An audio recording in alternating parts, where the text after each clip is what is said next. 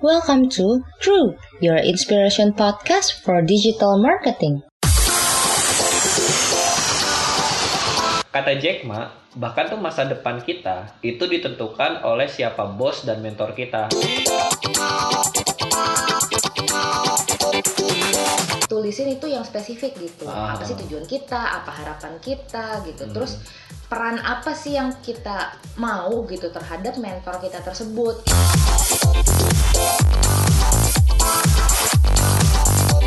Kecocokan itu adalah yang saling melengkapi atau yang sama menurut lo nih? ya?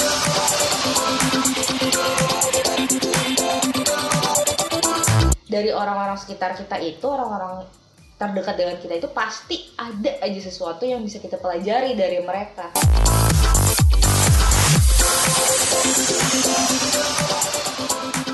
Podcast Crew episode 22. Balik lagi bareng gue Fadlan. dan gue Ori Buat kalian yang baru main ke sini pertama kali, selamat datang di podcast yang membahas tentang digital marketing, bisnis, dan hal-hal terkait di dalamnya. Eh, apa kabar, Ri? baik dong luar biasa lo apa kabar Baik. Em, minggu ini oke lah ya, nggak ada sesuatu yang jadi masalah di kehidupan kita. nggak ada sama sekali Eh, Oke oke. Nah, tapi eh, kemarin udah sempat bahas kan soal masalah tesis lu itu kan. Tuh. Nah, waktu kemarin tesis dalam prosesnya itu siapa sih orang-orang yang berjasa buat lu? orang-orang yang berjasa buat gue em, yang pertama dosen pembimbing dong Oh, karena ya pasti. karena nggak mungkin gitu kan Mhm. gue gue gue pasti butuh tanda tangan itu ya birokrasi lah Terus terus. terus dosen penguji juga Mhm. terus senior senior gue teman-teman gue pokoknya orang-orang yang bisa gue tanyain deh Oh, oke oke oke. Jadi eh, pembimbing dan senior lah ya bisa dibilang. betul Nah, mereka-mereka itu kan pasti eh, tadi yang lu bilang punya peran penting dong dalam pembuatan tesis yang kemarin udah selesaiin. Mhm.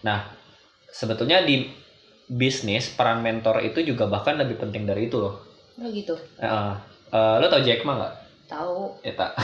ya kirain, kirain habis lo tesis terus lo nggak tahu gitu siapa Jack Ma kan? Terlalu Manusia. tenggelam di gua gitu.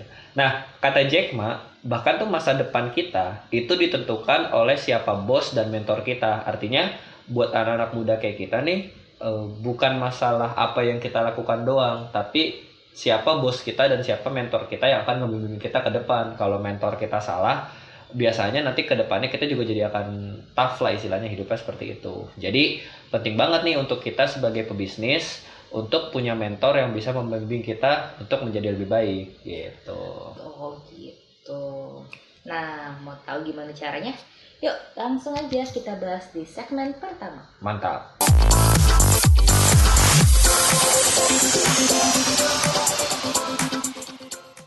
Oke, segmen pertama. Sebelum kita membahas tentang bagaimana caranya memilih mentor, ada beberapa hal dulu nih yang harus kita lakukan terlebih dahulu di dalam diri kita. Nah, apa aja, Ri? Yang pertama, Yang pertama, kita tuh harus berdamai sama diri kita sendiri dan ubah mindset kita. oh gimana tuh, gimana tuh? Jadi, kita tuh harus sadar, kita tuh nggak sempurna loh sebenarnya. Ada Yang sempurna tuh Andre and the Backbone ya. Oke, lanjut. lagu lagu zaman dulu banget itu, Ah. ketahuan umur ya nanti.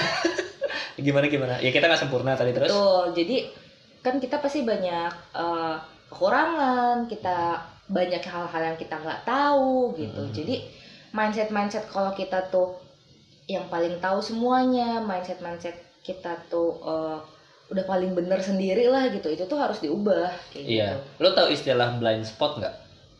Tik buta. Iya jadi uh, ada ada suatu metafora gitu bahwa kita tuh butuh orang untuk melihat blind spot kita. Blind spot tuh ini belakang apa ya di belakang kepala lu. Lu kan nggak bisa lihat apa yang ada di belakang lu kan. Itu tuh namanya blind spot. gue bisa sih pakai spion. Uh, ya misal ya gini spion itu kan artinya alat kan. Ya Oke. artinya lu tuh butuh sesuatu, butuh alat, butuh seseorang untuk bisa ngelihat hal-hal yang nggak nggak lu lihat di blind spot itu. Itu jadi istilahnya uh, kita tuh butuh orang buat melihat blind spot kita. Mhm. Terus eh, tadi lu mention soal mindset yang nggak boleh merasa sempurna ya kita juga harus identifikasi sebetulnya tuh nggak cuma kelebihan kita tapi kekurangan kita gitu misalkan lu kekurangannya apa Gue banyak gak usah disebut satu-satu lah Oh, kurang tinggi. kurang tinggi kurang kurus ya kalau gue kurang putih doang ya.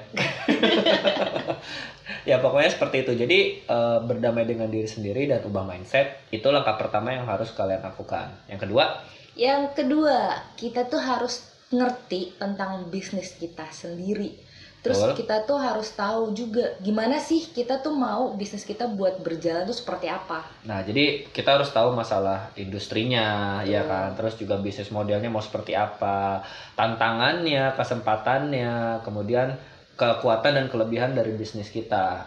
Bisa pakai analisis SWOT, tahu kan SWOT? Apa? strength weakness opportunity threat Ya, bisa pakai itu. Terus juga bisa melihat dari five uh, force for five porter force model. Jadi kita ngelihat kompetitor kita, kita ngelihat um, industri kita, kita ngelihat pesaing kita, kita lihat partner kita seperti itu. Ya selengkapnya nanti akan ada pembahasannya lebih lanjut. Tapi yang jelas mengerti tentang bisnis kita itu jadi langkah kedua setelah kita tahu uh, kita mengerti tentang diri kita sendiri. Yang ketiga apa, Rik?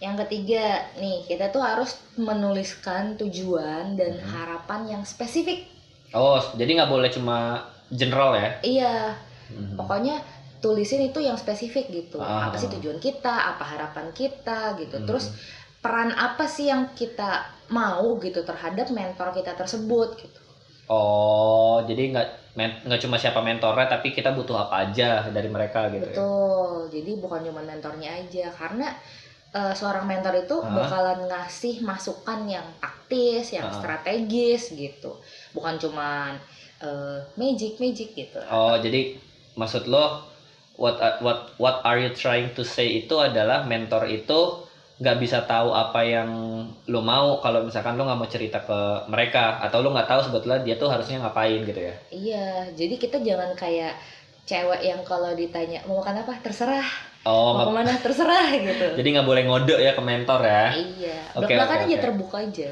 Nah, eh, mungkin salah satu terbuka cara untuk terbukanya itu adalah kita ngajuin beberapa pertanyaan gitu kali ya kepada kepada diri kita dan juga kepada mentor kita gitu. Nah, ya mungkin kita pertama bisa mulai dari sebetulnya apa sih yang mau kita pelajari dari mentor kita? Itu pertanyaan pertama. Jadi supaya kita tahu nih, oh gue harus dapetin something eh, satu dua tiga empat dari mentor gue gitu.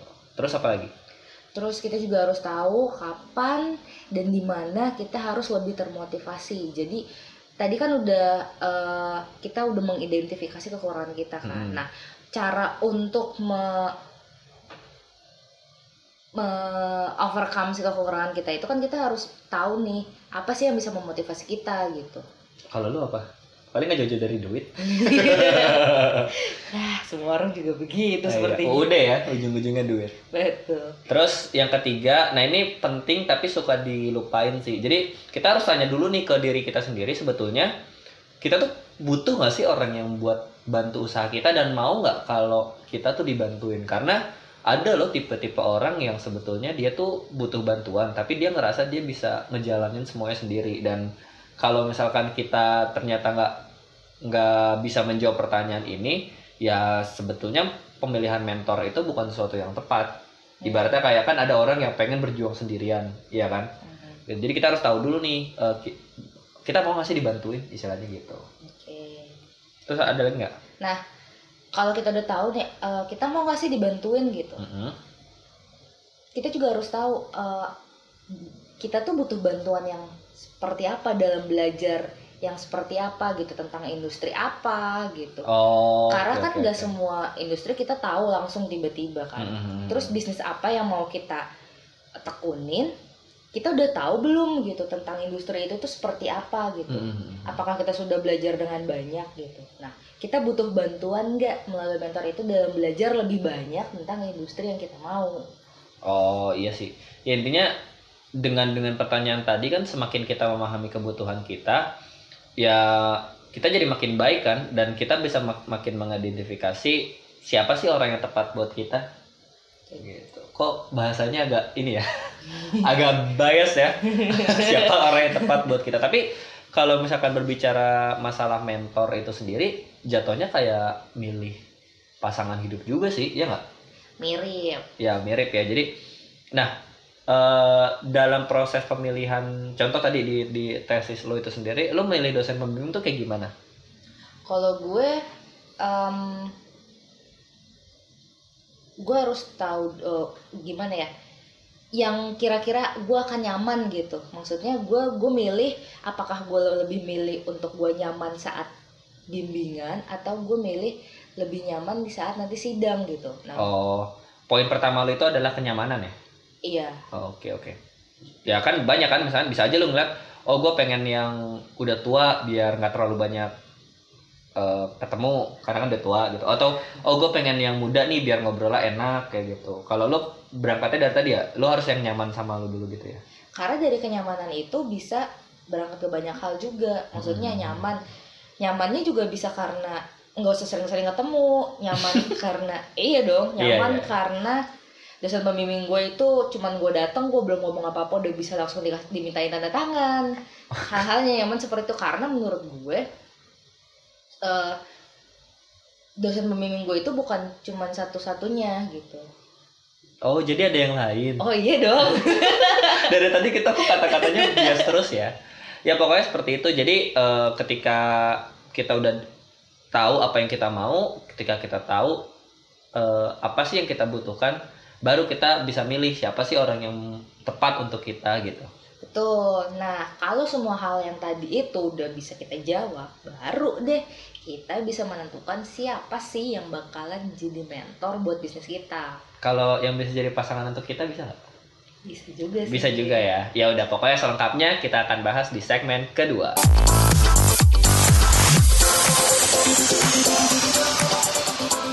Oke, segmen kedua saatnya kita memutuskan dan memilih siapa sih mentor kita.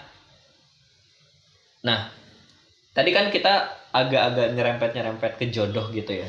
Jadi kan ya tadi gue gue setuju sih mementor itu tuh kayak milih jodoh. Jadi bukan eh, siapa yang terbaik, siapa yang paling ganteng, paling kaya. Tapi kalau menurut gue itu lebih ke siapa yang paling fit dan paling nyaman dengan kita. Tadi back to point soal memilih dosen pembimbing ya sama aja kayak mentor tuh menur- kalau menurut gue seperti itu kalau menurut lu gimana? Menurut gue juga iya dong gitu. Karena kan tadi gue bilang kan eh, salah satu poin gue milih dosen pembimbing gue adalah kenyamanan gitu. Hmm. Bukan bukannya gue milih dosen itu harus yang paling baik, harus yang paling pintar, Profesor atau- misalnya gitu. betul harus yang paling disegani dan segala macam enggak tapi gue lebih milih gue nyaman gak gitu karena kan gue kan berinteraksi terus sama beliau gitu Oh jadi sebetulnya title itu nggak terlalu penting buat lu ya gitu. buat gue enggak Nah, tapi konkretnya tuh eh, lu bisa breakdown lagi nggak cara memilih mentor tuh seperti apa? nah jadi gini ada beberapa poin nih yang bisa kita lakukan Hmm. dalam memilih mentor yang pertama Hmm.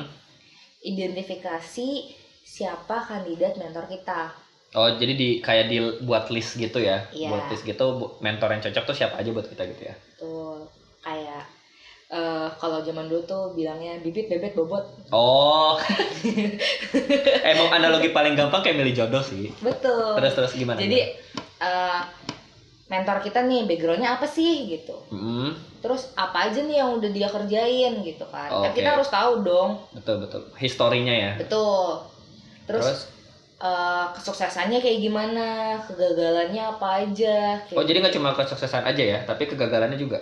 iya dong Kenapa tuh? Karena kalau misalnya eh, kita cuma ngeliat kesuksesannya doang kan kita cuma ngeliat yang hebat-hebatnya aja dari beliau itu kan kita juga Oh. harus tahu dong apakah dia pernah gagal kenapa supaya nanti di saat kita misalkan kita gagal Hmm. si mentor kita itu tahu harus uh, ngasih input apa buat kita gitu. Kalau misalnya mentor itu cuman selalu sukses sukses dan sukses, Pas gagal pas jadi bingung. gagal bingung dong gitu kan. Hmm. Dianya aja tidak bisa me mengovercome kegagalan dia, apalagi dia mementori kita gitu, Oh, ngasih oke, advice oke, gitu. oke, Jadi oke, oke. selain kesuksesan, kegagalannya juga harus kita cari tahu nih. Oke, terus ada lagi? Eh, terus juga kita harus tahu kecocokan apa nih personality kita sama mentor kita gitu kan. Oh, balik lagi ke fit dan nyaman tadi ya. Betul, betul. Kalau nggak cocok kan nanti jadi ya kayak jodoh aja gitu. Kalau misalnya dipaksain ya nggak nggak nggak fit gitu Nah. kan nggak enak. Bicara soal kecocokan itu sendiri menurut lo nih, Hmm. misalkan eh, kecocokan itu adalah yang saling melengkapi atau yang sama menurut lo nih ya. Kalau misalkan nggak, kan ada orang tipikalnya eh, cari jodoh itu eh, cari kok cari jodoh dari tadi nih cari mentor itu yang misalkan dia tipikalnya keras karena dia ini butuh dikerasin karena dia tuh lemah jadi butuh dikerasin atau eh gue harus cari yang keras karena gue orangnya juga keras gitu menurut lo bagusan cari yang setipe dengan kita atau yang saling melengkapi menurut lo ya Kalau gue pribadi, gue lebih suka yang kombinasi. nggak ada pilihan ya terus maksud apa tuh kan gue ngomongnya melengkapi sama sama kalau ngomongnya kombinasi Iya, kalau gue sih, ya kalau gue pribadi secara jujur gue lebih suka yang kombinasi. gimana tuh Jadi mentor gue bisa melengkapi gue juga. Mm-mm. Kalau misalnya eh, gue orangnya males-malesan, Hmm. beliau bisa kerasin gue, tapi juga harus ada yang sejalan sama gue gitu. Kenapa? Supaya gue balik lagi ke yang tadi. Mm-mm. Nyaman gak sama gue gitu. Gue Oh. nyaman gak sama beliau maksud Oke gitu. oke oke oke oke oke yang ngerti. Tapi kalau menurut gue sendiri, eh gue nggak ditanya nih. Oh iya, lo gimana ya ampun? Dari tadi gue inisiatif terus ya. Ya setidaknya mentor yang dipilih ya secara standarisasinya menurut gue tuh ada empat hal. Mhm. Yang pertama dia harus dapat dipercaya. Ya tadi balik lagi ke background apa yang harus di eh, background dan kesuksesan dan kegagalannya. Jadi kalau misalkan dia fake ya kita juga hesitate dong buat cerita-cerita atau minta pendapat dia. Hmm. Yang kedua, dia menurut gua sih dia harus seorang yang yang kita hormatin. Kenapa? Karena kalau misalkan kita nggak hormat sama dia, nanti kayak jadi ngegampangin. Ibaratnya gitu. Ap- apalagi kalau misalkan kita lebih punya power daripada dia, dianya ya ya aja gitu, susah, ya kan? Jadi bucin lah kalau misalkan dalam suatu hubungan gitu kan. Balik nanti. Terus yang ketiga, eh, dia harus jadi pendengar yang baik dan suka memberi komentar yang membangun. Jadi bukan cuma ngomong-ngomong-ngomong-ngomong aja, tapi dia juga dengerin apa keluh kesah kita. Kemudian dia nak dia juga mendengarkan solusi yang mau kita jalankan gitu. Jadi nggak cuma sekedar ngasih tahu doang. Pokoknya lu kerjain kayak gini. Gitu. Lu ikutin aja apa kata gue nggak kayak gitu, tapi jadi pendengar yang baik dan ngasih komentar itu yang membangun. Jadi bukan cuma ngejudge, lu sih kayak gini, lu nggak dengerin gua, tapi kayak dipuji tapi dikasih tahu masukan seperti itu. Dan yang terakhir, ya tadi sebagai seorang pendengar yang baik, dia juga harus open minded. Jangan sampai dia ngerasa bahwa apa yang dia lakukan itu harus pure bener-bener ditentuin sama eh, dilakukan sama si eh, mentornya dia gitu. Jadi kayak jangan sampai gue misalkan mentor lo gitu, Hmm. gue mengerjakan pokoknya 4 tam- eh, 8 itu adalah 4 tambah 4 padahal kan bisa aja 5 tambah 3 kayak gitu kan benar sih? Iya benar. Iya ya pokoknya seperti itulah itu tentang identifikasi kandidat mentor kali ya nah Hmm. ada lagi nggak selain itu yang harus kita lakukan Nah, poin yang tadi, itu kan tadi poin pertama nih. Hmm. Poin kedua adalah kita tuh harus mendekati si calon mentor kita itu dengan cara yang baik, cara yang benar, Mm-mm. dan pendekatannya itu harus ngasih kesan gitu. oke jadi ini kondisinya setelah kita udah tahu siapa mentornya gitu ya Iya dong. jadi kita dekati dia Gitu. Iya, oke oke dekati. oke oke PDKT. ya setuju sih karena kan mentor itu kan biasanya ya gini deh dosen pembimbing lu kan sibuk ya Mhm. ya kan dan kebanyakan dosen-dosen atau mentor-mentor yang udah sukses biasanya kan dia sibuk kan dan nggak cuma ngurusin kita jadi ya gimana cara supaya mereka mau attract sama kita ya kita harus ter- eh, membuat mereka tertarik dan akhirnya tuh punya sesuatu yang akhirnya membuat mereka tuh mau loh ngebantuin kita ya bisa dengan membangun hubungan dan kesan yang baik misalkan kayak eh, kalau gue sih dulu caranya gue eh, beli buku-bukunya dia jadi kalau ketika kita ngomong eh iya pak bapak beli buku ini ya ngejilat gitu lah ngejilat Oke. dikit lah Oke. terus kayak ngomentarin eh, karirnya dia gimana biasanya soalnya orang kalau dipuji-puji dia melayang tuh terus akhirnya jadi ngerasa kita tuh cocok sama dia Oh, begitu. Baik. ya pokoknya memberikan engagement lah termasuk juga di media sosial. Kalau misalkan dia ngepost gitu ya like like aja lah komen komen semangat pak kayak gitu gitu jadi kayak intinya ketika ada kesempatan untuk kita bisa eh, shine bright like a diamond gitu kan itu jangan disia-siakan dengan pertanyaan standar atau komentar-komentar standar tapi yang memang menarik perhatian gitu. Itu menurut gue kalau menurut lo gimana? Iya bener juga. Supaya kita bisa terlihat menonjol kan. Jadi kayak Nah, the PDKT itu sama kayak lu PDKT sama cewek deh gitu kan. mm-mm. Kalau misalnya lu STD STD aja gitu kan dengan STD tuh standar. anak jaksel sekali kamu ya ya terus Dengan dengan banyaknya kandidat cowok lain yang ngegebet dia, Mm. eh, lu nggak akan nggak akan kelihatan gitu. Makanya iya lu harus me- melakukan suatu hal yang beda dengan orang-orang lainnya supaya lu tuh bisa terlihat dan lu bisa dipilih. mantul sekali Tuh. nah oke udah udah tahu siapa mentornya, Mhm. udah kita coba deketin. Nah, terus dia udah tertarik nih. Terus ketika tertarik gimana? Kalau lu tertarik ya lu langsung bangun hubungan. Oh, eh, Pak mau jadi pacar saya gitu. iya, kita emang juga.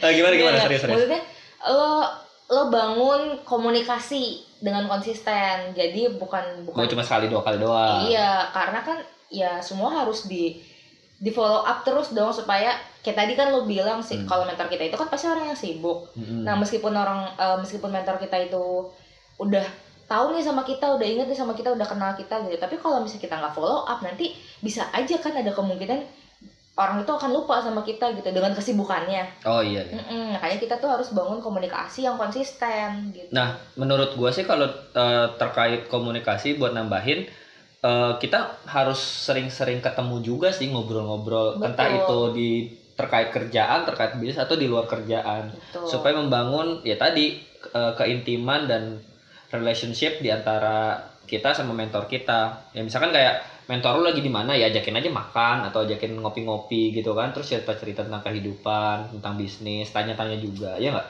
iya dong. Ya, kayak gini deh, lu kalau diajak kalau misalkan lu mau nolongin orang, kadang kan lu juga pengen cerita dong sama orang itu, betul nggak? Hmm. Iya, pokoknya seperti itulah. Jadi ya dan jangan lupa juga suruh ucap apa ketika kita nggak selesai ngomong, kita selesai ngobrol itu biasain ngomong maaf, tolong, terima kasih jangan sampai lupa sih. Soalnya itu Iya, tiga kata sakti banget. Betul. Nah, selain itu kita juga harus mastiin nih hubungan itu tuh bakal ngasih feedback timbal balik. Caranya dengan kita selalu ngasih update nih, kan mentor kita udah ngasih saran, Mhm. mentor kita udah ngasih advice advice eh, buat kita kayak gitu kan. Nah, kita juga harus ngasih feedback dengan cara, oh iya, thank you ya eh, Pak Mentor gitu dengan feedback eh sorry dengan sarannya Pak Mentor ini. Sekarang bisnis saya sudah seperti ini loh. iya Gitu. betul kayak Oh, gitu. Jadi kayak ngasih update, kemudian ngasih feedback dan jangan lupa juga mungkin ya bukan bukan bermaksud untuk nyogok tapi kayak kasih ucapan terima kasih lah ya gitu kan. Iya. Karena nggak ada salahnya juga kita berbuat baik kepada orang yang sudah berbuat baik kepada kita. Betul, karena kalau misalnya kita juga berbuat baik sama mereka, ke depannya tanpa kita minta pun mereka Mhm. akan dengan sukarela, dengan dengan senang hati akan membantu kita. Iya sih Gitu. bener banget. Jadi ya intinya jaga hubungan baik eh, setelah kita tahu siapa mentor kita dan kita udah bisa menghubungi mereka. Betul. Nah pertanyaannya kita harus mulai dari mana untuk cari mentor? Kita mulai dari mana? Dari segmen 3. Oke, mari kita mulai di segmen ketiga.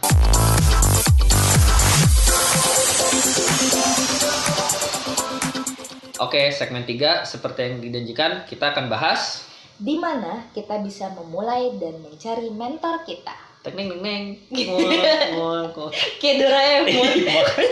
lagi lu suara kayak Doraemon gitu ya oke lanjut Em, tadi pertanyaan apa gue lupa di mana kita bisa memulai dan mencari mentor. Oh, kalau menurut gue sih sebenarnya ada banyak banget tempat yang apa ya berisikan mentor-mentor hebat untuk kita dan baik yang kita kenal atau kita nggak kenal sama sekali gitu. Mhm. Ya gini deh supaya nggak bingung, kita bagi aja berdasarkan karakteristik tempatnya. Yang pertama dari mana? Mulai dari yang paling dekat sama kita yaitu lingkungan sekitar kita. Contohnya. bisa jadi teman-teman kita, sahabat, tetangga, rumah, atau Bisa ya? bisa atau Oh. orang-orang di sekitar kita. Eh, lu jangan jangan menyepelekan tetangga kita dong. Kalau misalnya lu tinggalnya di apartemen mewah, tetangga lu kan orang-orang hebat semua. Iya, tapi yang bukain pintu gue penjaga kebun ya sih. Tetap aja itu tetangga. iya sih. Karena dari orang-orang sekitar kita itu, orang-orang terdekat dengan kita itu pasti ada aja sesuatu yang bisa kita pelajari dari mereka. Even ke tukang kebun tadi ya sebetulnya bisa betul ya. betul kenapa karena misalnya eh, tukang kebun nih kita bisa korek-korek informasi mengenai majikannya daripada dari tukang kebun itu kan Oh iya bener juga sih. itu Jadi cari mentor bisa mulai dari lingkungan sekitar ya. Dan Betul. dan mereka itu biasanya approachable eh, approachable tuh apa? approachable itu bisa didekati Oh, gampang didekati ya. Oh, Oke, oke. bukan oke. mereka yang membangun tembok tinggi gitu kan terus ada tulisan awas anjing galak gitu Waduh, kok ng- ngelihat anjing galaknya ke sini ya? Oke, nah selain dari lingkungan sekitar, ada juga nih tempat yang lain di mana tuh yang menurut gue sih kalau gue juga biasanya ngelakuin ini yaitu gue datang-datang ke seminar atau kayak ke event-event networking gitu bisa bisa datang ke berbagai event gratis nggak harus bayar lo tinggal buka platform-platform seperti Meetup, Eventbrite kayak gitu. Di situ banyak event-event gratis dan ya walaupun di sana nggak sesuai dengan apa yang mau lu eh, suka istilahnya nggak nggak tertarik sama lo lo lo nggak tertarik sama event itu. Tapi kan orang-orang yang ke sana kan punya relasi kan punya Betul, punya lo bisa membangun networking dari sana. Jadi ya datang-datang aja toh gratis ini kan. Dan di sana kita bisa sesama entrepreneur tuh bisa saling kasih kasih insight terus juga bisa dapat inspirasi dan mungkin siapa tahu bisa jadi kolaborasi karena ya dari kru ini eh, dengan apa yang gue lakukan kru tuh akhirnya bisa banyak banget kolaborasi sih ya lu juga tau lah Hmm, gitu dan episode spesial ya. Yoi. Ya sebagai tambahan juga eh, coba ke kampus juga sih karena di kampus-kampus itu banyak kesempatan untuk kita bisa explore lebih jauh. Apalagi ke dede-dede mahasiswa seperti itu. Dede-dede emas. Ke dede-dede mes ya. Nah, oke misalkan gua nggak punya waktu ke event seminar atau networking gitu. Hmm. Gue bisa ke mana? Gampang banget lah. Ini tuh setiap hari, setiap hari banget deket sama lo. Internet. Nah, jadi dengan serba digitalnya ini emang sih eh, apa youtuber, youtuber atau konten-konten creator itu kan sebetulnya banyak juga kan yang memberikan konten yang bermanfaat. Nah itu kan bisa bisa kita nikmatin kan konten-kontennya secara gratis, betul nggak? Betul banget. Nah terus eh, setelah kita nikmatin konten itu, kita bisa ngapain? Kita bisa hubungin ke kalau mereka punya LinkedIn, kita bisa hubungin ke LinkedIn-nya karena kan ini terkait dengan bisnis ya. Mm-mm. Gitu bukan cuma personal aja atau kita bisa email. email Oh, iya. mereka. Oh ya karena mereka biasanya juga nyantumin kayak kalau mau eh, menghubungi atau bertanya-tanya lebih lanjut, hubungin ke kita aja langsung. Betul, kan? manajemen kontaknya mereka. Nah, nah tapi eh, kita juga harus standby juga sih, maksudnya eh, ketika mereka bales atau mau bertemu dengan kita atau nge-follow up kita, jangan sampai kitanya juga jadi cuek ngebiarin itu berlama-lama karena kan ya yang ngubungin dia nggak banyak kan nggak cuma kita doang Betul, jangan tarik ulur lah. iya tarik terus Tarik terus Ah. gitu. jadi di mana tadi Di lingkungan sekitar, terus di event seminar atau di networking networking event sama di internet. nah jadi gampang lah ya itu tiga tiga itu semuanya sebetulnya approachable banget ya bisa Betul. oke sebagai penutup Mentor tidak menjamin bisnis kita akan sukses. Nah, mentor bukanlah orang yang pasti punya solusi dari permasalahan kita. Tapi setidaknya dengan memiliki mentor, kita jadi tahu apa yang harus kita lakukan. Dan kita jadi yakin deh bahwa apa yang dilakukan itu memang adalah pilihan terbaik. Jadi, siapa mentor kamu? Yuk sharing-sharing ke kita. Anjay. Ini pertama kali kita bikinnya kayak gini ya. Oh, biar seru, biar seru, biar seru. Oke, eh, sekian episode 21 kali ini untuk kalian yang mau bertanya. Oh, sorry episode 22 ya? Episode 2 Episode ini. dua. Sorry, sorry, sorry. Udah terlalu banyak sih kita bikin konten seperti ini. ya. Ya untuk kalian yang mau bertanya dan berinteraksi, boleh banget melalui Instagram atau website kita di digitalcrew.id. atau bisa melalui email khusus kita di info at digitalcrew.id. Terima kasih buat semua yang udah mendengarkan. Kita berdua pamit. Gue Ori, gue Fadlan, Gue Ori. gue Ori. Gue Fadlan. Sampai ketemu di episode selanjutnya. Bye bye.